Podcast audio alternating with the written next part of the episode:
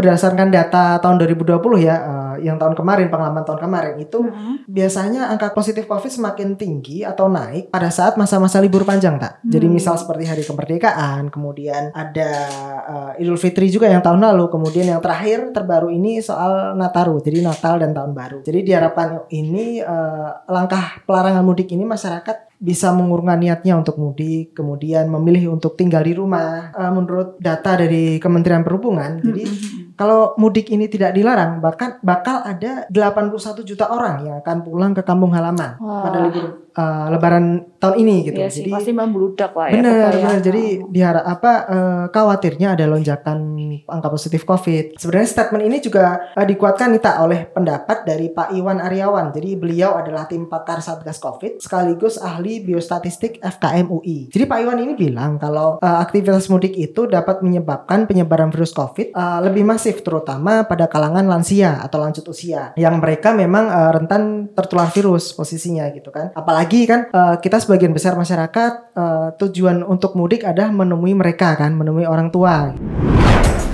This is Voice of Karet.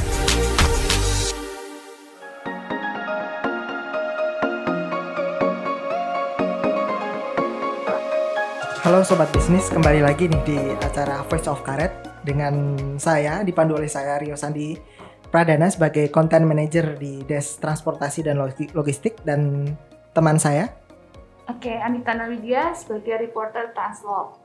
Podcast ini disiarkan dari Markas Pusat Bisnis Indonesia di wilayah Karet Tengsin. Oke, makasih Anitana. Oke, eh, tema yang akan kita obrolin kali ini itu adalah mudik lebaran dilarang. Perlu nggak sih? Oke, Eh, teman-teman sebelum kita membahas lebih jauh eh, mengenai mudik ini, jadi perlu kita eh, ketahui dulu arti dari mudik ini. Jadi saya ambil dari KBBI, Kamus Besar Bahasa Indonesia. Jadi menurut KBBI, mudik itu artinya adalah pulang ke kampung halaman. Jadi biasanya kebiasaan ini dilakukan oleh masyarakat pada hari keagamaan tertentu apa tertentu. Tapi kebanyakan melakukannya pada saat hari raya Idul Fitri karena biasanya saat Idul Fitri eh, liburannya lebih panjang ya tak ya. Sebelum kita masuk ke tema, mungkin kalau Anitana mudiknya ke mana nih? Pertanyaannya susah nih.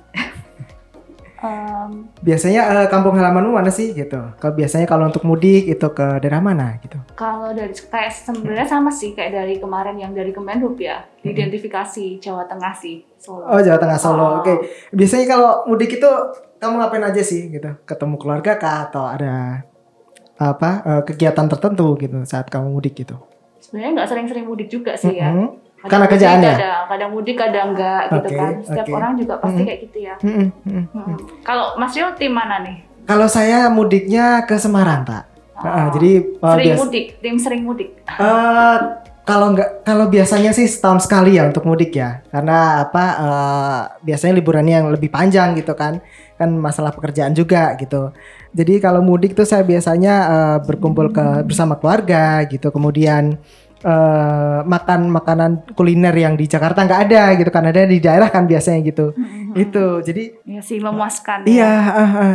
kalau menurut menurut kamu tak itu mudik itu penting nggak sih Eh, ini sih ya. Penting juga sih, tapi kalau untuk yang merantau di tempat yang jauh Oke, pasti kan. oke Pasti kan mereka manfaatkan momen Idul Fitri ini untuk pulang Mm-mm, gitu kan. Terus tapi kan juga tadi ya karena sekarang kan pandemi, mungkin ada juga yang memutuskan nggak mudik Oke. karena ini sih karena sudah sadar prokes juga kan. Mm-mm, Jadi mending tinggal mm-mm. di rumah mm-mm. atau tapi ya juga mungkin yang masih dinas-dinas kerja. Oke, oke.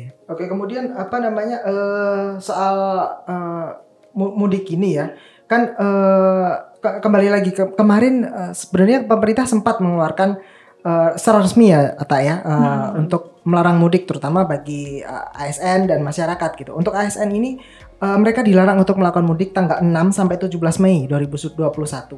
Jadi lar- larangan kegiatan bepergian atau mudik ini dikecualikan bagi ASN yang melaksanakan perjalanan dalam rangka tugas kedinasan yang bersifat penting. Kemudian pengecualian itu juga eh, terlebih dulu harus memperoleh surat dari eselon 2 atau kepala satuan kerja. Kemudian berpergian ini juga diizinkan dalam keadaan terpaksa melakukan kegiatan berpergian di luar daerah dengan terlebih dulu mendapatkan izin tertulis dari pejabat pembina kepegawaian. Mereka, jadi pegawai ASN ini yang melaksanakan perjalanan keluar daerah juga harus memperhatikan peta zonasi risiko penyebaran COVID-19, kemudian peraturan atau kebijaksanaan eh, mengenai pembatasan keluar masuk orang di daerah asal dan tujuan perjalanan. Jadi mereka ASN juga perlu memperhatikan kriteria dan aturan yang ditetapkan oleh Kemenhub dan juga Satgas COVID-19 serta mengikuti protokol kesehatan yang ditetapkan oleh Kemenkes. Mereka juga dilarang untuk mengajukan cuti selama periode tersebut. Pengajuan dan pemberian izin cuti dikecualikan untuk keperluan melahirkan ataupun cuti sakit bagi ASN dengan perjanjian kerja. Eh, mereka yang melanggar ini juga ada sanksi nih tak. Jadi sanksinya diberikan hukuman disiplin kepada pegawai yang melanggar hal tersebut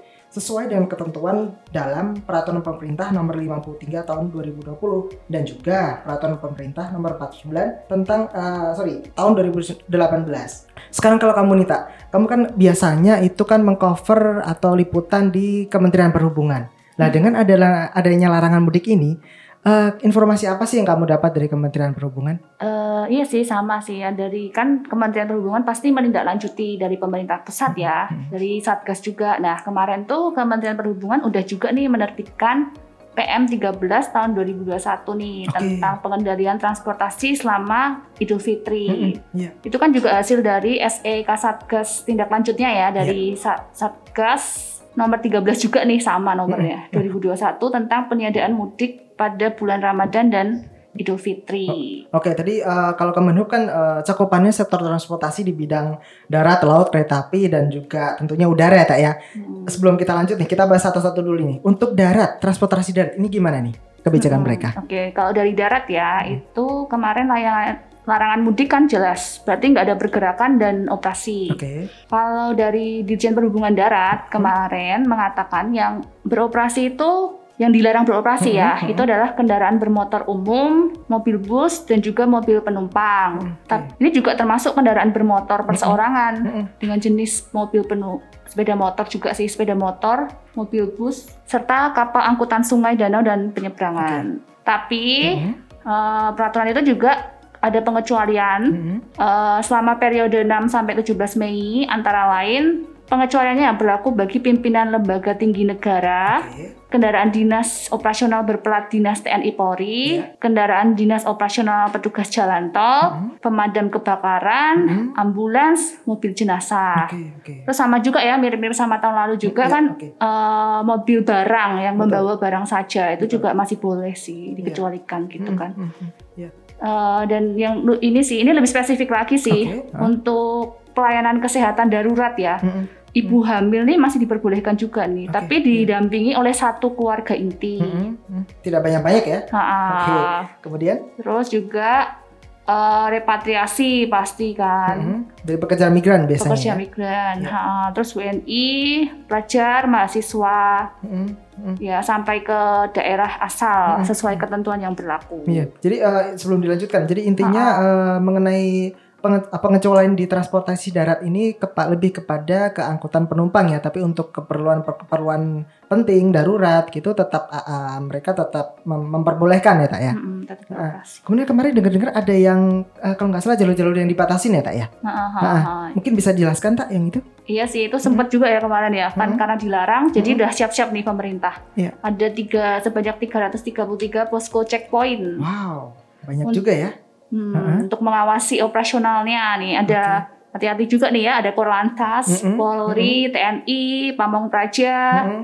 terus juga melibatkan perhubungan dinas perhubungan di kabupaten kota Ya. termasuk balai transportasi eh, ba- balai pengelola transportasi darat. Aduh, cukup banyak juga yang ngawasin ya. Nah, Nah, dan sanksinya apa nih kalau misalnya ada orang yang nekat nerobos nih? Nah, ya kalau dari sini sih, tapi mereka ada jaga-jaganya tuh ada titik-titiknya juga ya, Oke. yang di akses utama keluar dan masuk jalan tol Iya. pertama, terus termasuk juga jalan non tol, Mhm. terus di terminal angkutan penumpang, Oke. pelabuhan sungai, danau dan penyeberangan. Oh gitu. Oke. Eh, tadi untuk untuk yang darat mungkin ya. Kemudian Oh. untuk yang transportasi laut ini gimana tak? Kalau transportasi laut juga esensinya masih sama ya, cuma eh, untuk daerah-daerah aja yang di yang ini akan mulai disosialisasikan untuk nggak mudik ya. Mhm. Maksudnya Dirjen ini mulai mensosialisasikan juga sih dan seluruh tiket itu bisa dipesan daring. Jadi nggak ada penumpukan orang lagi di Mhm. pelabuhan. Oke oke. Eh, kalau tadi di darat ada te- berapa 333 titik yang diawasin. Kalau di laut ini ada pengawasannya seperti apa nih tak? Iya, juga siap-siap nih ada posko di Pelabuhan Pantau. Iya. Mulai H-15 Mm-mm. sampai H plus 15 pelarangan mudik Lebaran. Mm-mm, mm. Tapi ini ada juga pengecualiannya juga sih. Oke. Sama kayak tadi ya. Terus eh, ini angkutan khusus yang melayani dalam satu kecamatan, Hmm. kabupaten dan provinsi tetap bisa Mm-mm. beroperasi. Oke. Terus juga pengecualiannya untuk semua kapal kargo ya. Jadi tetap berjalan normal. Oke oke oke. Untuk untuk kereta api seperti apa nih kak? Biasanya kan mudik banyak yang pengguna kereta api nih kak. Biasanya udah mulai uh, Pesan cari-cari tiket. tiket. Iya bener. Jauh-jauh hari sebelum mudik. Supaya dapat murah ya. Hmm, betul betul. Aduh sayang banget nih. Ah, ah, ah. Tahun ini nggak beroperasi sih ya. Oke, nggak sama sekali Nggak beroperasi atau sama seperti sekali apa? beroperasi. Maksudnya kalau Hmm. untuk yang jarak jauh Hmm, hmm. itu nggak beroperasi. Oke. Kecuali yang dalam eh, aglomerasi seperti KRL gitu ya. Hmm, Itu hmm, juga dibatasi sih. Hmm. Frekuensinya nggak akan sesering yang sekarang ini. hmm. Aglomerasi itu seperti Jabodetabek ya ya? Jabodetabek ya Oke, KRL oke. kan. Hmm, hmm. Oke. Kemudian untuk Hmm. yang uh, biasanya orang-orang yang naik pesawat ini kak, seperti apa nih pak? Tak. Kalau pesawat, aduh ini juga deh. Ah, Tidak ada operasi nih. Maksudnya maskapai dilarang beroperasi juga sih. sama sekali juga. Ha-ha, Ba- Oke. Itu kan jelas ya untuk niaga dan Hmm. bukan niaga Iya, gitu iya, kan. iya. Kemudian ada pengecualian nggak sih kalau dari sisi udara ini? Iya, tapi juga tetap ada pengecualian Hmm, karena kan kalau dari Kemenlu kan bilang eh, udara ini kan tetap penting Iya. karena kan kita negara kepulauan Oke. tetap harus inilah ya apa konektivitas tetap harus dijaga Hmm, ya. hmm, hmm. Jadi pengecualiannya itu eh, ini sih untuk yang tamu-tamu konsulat, Hmm, terus juga Oke, pimpinan lembaga negara Oke. gitu kan. ya. Terus juga untuk yang repatriasi Hmm, sama repatriasi yang apa eh, warga negara balik ke Indonesia Oke. cuman Iya, iya. ini bukan untuk mudik ya mereka gitu hmm. momentumnya Oke, oke, oke. Untuk apa eh, eh, biasanya kalau untuk penerbangan kan nggak cuma penumpang, untuk untuk barang juga eh, apakah dibatasi atau seperti apa nih, Kak? kargo enggak sih Kargo karena kan ya? ha, Hmm. bandara operasional bandara tetap dibuka untuk Hmm. rute-rute itu tadi yang melayani kargo Hmm. kayak gitu Hmm. sih Oke, oke. Oke, eh, oh ya tadi kur- ini sih info kurang saat Iya. kurang ini ya Iya. Eh, tapi kalau maskapai yang mau ini sih maksudnya maskapai bisa beroperasi juga hmm, gimana itu? Cuman tapi harus ini mengajukan dulu ke perizinannya ke Hmm. Dirjen Perhubungan Udara gitu Hmm. untuk Oh, rutenya gitu. yang Untuk mereka rute mau ya? beroperasi. Oke, oke, oke. Ah, Oke, mungkin eh, kembali lihat lagi nih ke alasan pemerintah melarang mudik. Nah, jadi mungkin eh, alasan pemerintah untuk eh, melarang mudik ini cukup cukup eh, cukup tepat juga ya. Soalnya kan eh, ada yang bilang bahwa mudik ini akan berisiko menyebabkan angka positif COVID ini semakin tinggi di tanah air. Mm-mm. Kan saat ini kan masih per hari kalau nggak salah ribuan ya, Teh ya, masih ada ribuan uh, Masih orang yang terkonfirmasi positif. Lonjakannya gitu. masih tinggi. Ya dikhawatirkan kan kalau mudik ini biasanya terjadi resiko kerumunan orang dan kadang-kadang eh, enggak semua masyarakat kita itu eh, apa ya semacam sadar akan protokol kesehatan gitu kan. Nah jadi eh, terlebih berdasarkan data tahun 2020 ya eh, yang tahun kemarin pengalaman tahun kemarin itu Mm-mm. biasanya angka COVID itu positif COVID semakin tinggi atau naik pada saat masa-masa libur panjang tak. Jadi Hmm. misal seperti hari kemerdekaan, kemudian ada uh, Idul Fitri juga yang tahun lalu, kemudian yang terakhir terbaru ini soal Nataru, jadi Natal dan Tahun Baru. Jadi diharapkan ini uh, langkah pelarangan mudik ini masyarakat bisa mengurungkan niatnya untuk mudik, kemudian memilih untuk tinggal di rumah gitu. Itu dan kalau nggak salah uh, menurut data dari Kementerian Perhubungan, jadi Mm-mm. kalau mudik ini tidak dilarang, bahkan bakal ada 81 juta orang yang akan pulang ke kampung halaman pada Wah, libur uh, Lebaran tahun ini gitu. iya sih, Jadi pasti membludak lah ya. benar, benar. Jadi diharap apa uh, khawatirnya ada lonjakan angka positif COVID gitu. Sebenarnya statement ini juga uh, dikuatkan nih tak oleh pendapat dari Pak Iwan Aryawan. Jadi beliau adalah tim pakar Satgas Covid sekaligus ahli biostatistik FKM UI. Gitu. Jadi Pak Iwan ini bilang kalau uh, aktivitas mudik itu dapat menyebabkan penyebaran virus COVID uh, lebih masif terutama pada kalangan lansia atau lanjut usia yang mereka memang uh, rentan tertular virus posisinya gitu kan. Apalagi kan uh, kita sebagian besar masyarakat uh, tujuan untuk mudik adalah menemui mereka kan, menemui orang tua gitu. Mm-mm. Uh, terus beliau juga bilang bahwa ada tiga asal alasan utama nih agar orang tidak uh, untuk tidak mudik gitu. Jadi pertama Hmm, adalah?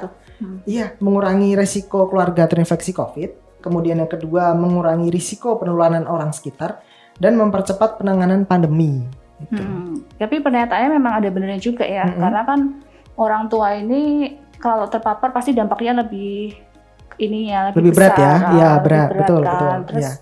Daripada kita yang masih muda dan Mm-mm, mungkin kita sebagai yang muda juga harus menjaga juga ya, Benar, benar, benar. menjaga benar. yang lebih tua gitu, karena kita juga nggak tahu kita bawa virus atau enggak. Benar, benar. Bisa aja kita OTG gitu kan atau Hmm. misalnya ketika bepergian waktu dites eh, genosa ataupun rapid test kita negatif tapi di perjalanan kita ketemu orang yang misal dia positif kita nggak tahu kan gitu. Mm-mm. Nah, Eh, kemudian ini apa namanya? eh, tadi kita sudah bahas soal larangan mudik, kemudian dari Hmm. pemerintah, kemudian upaya Kemenhub untuk mengendalikan mobilitas pergerakan masyarakat melalui pembatasan semua moda transportasi baik, baik darat, laut dan udara kereta api.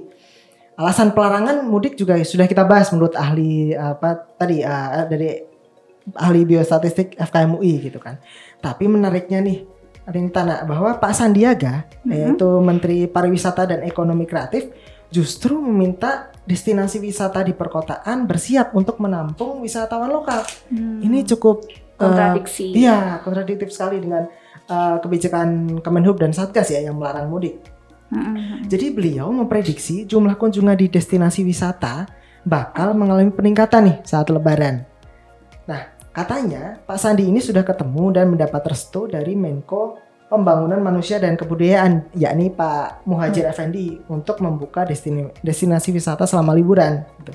Kalau menurutmu nih, gimana dengan pembatasan eh, mobilitas orang dari Kemenhub tadi?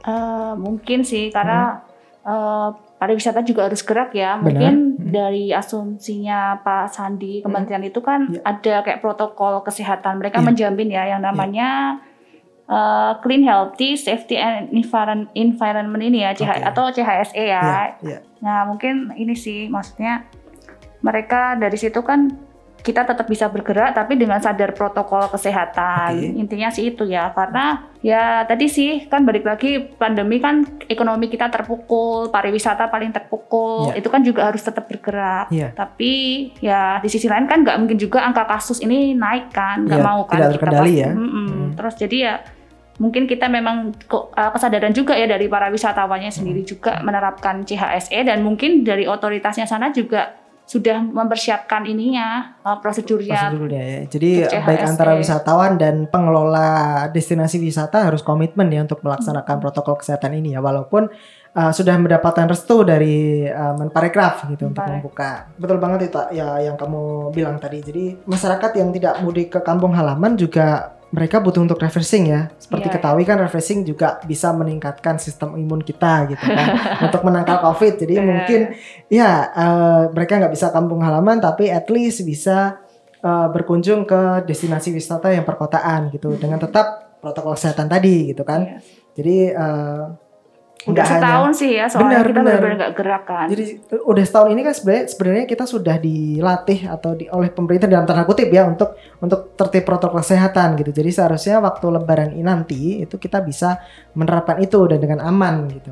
Udah Tapi yang- sadar juga Benar, sih. benar, Hmm. benar. Tentunya juga, tapi yang perlu jadi perhatian nih tak. Jadi jangan Hmm. sampai uh, ketika kita diizinkan untuk berwisata gitu kan saat lebaran justru malah terjadi kerumunan orang gitu. Justru tidak terkendali gitu. Jadi uh, yang perlu jadi garis bawahi bahwa pengelola wisata juga harus berkomitmen untuk mengawasi hal tersebut gitu.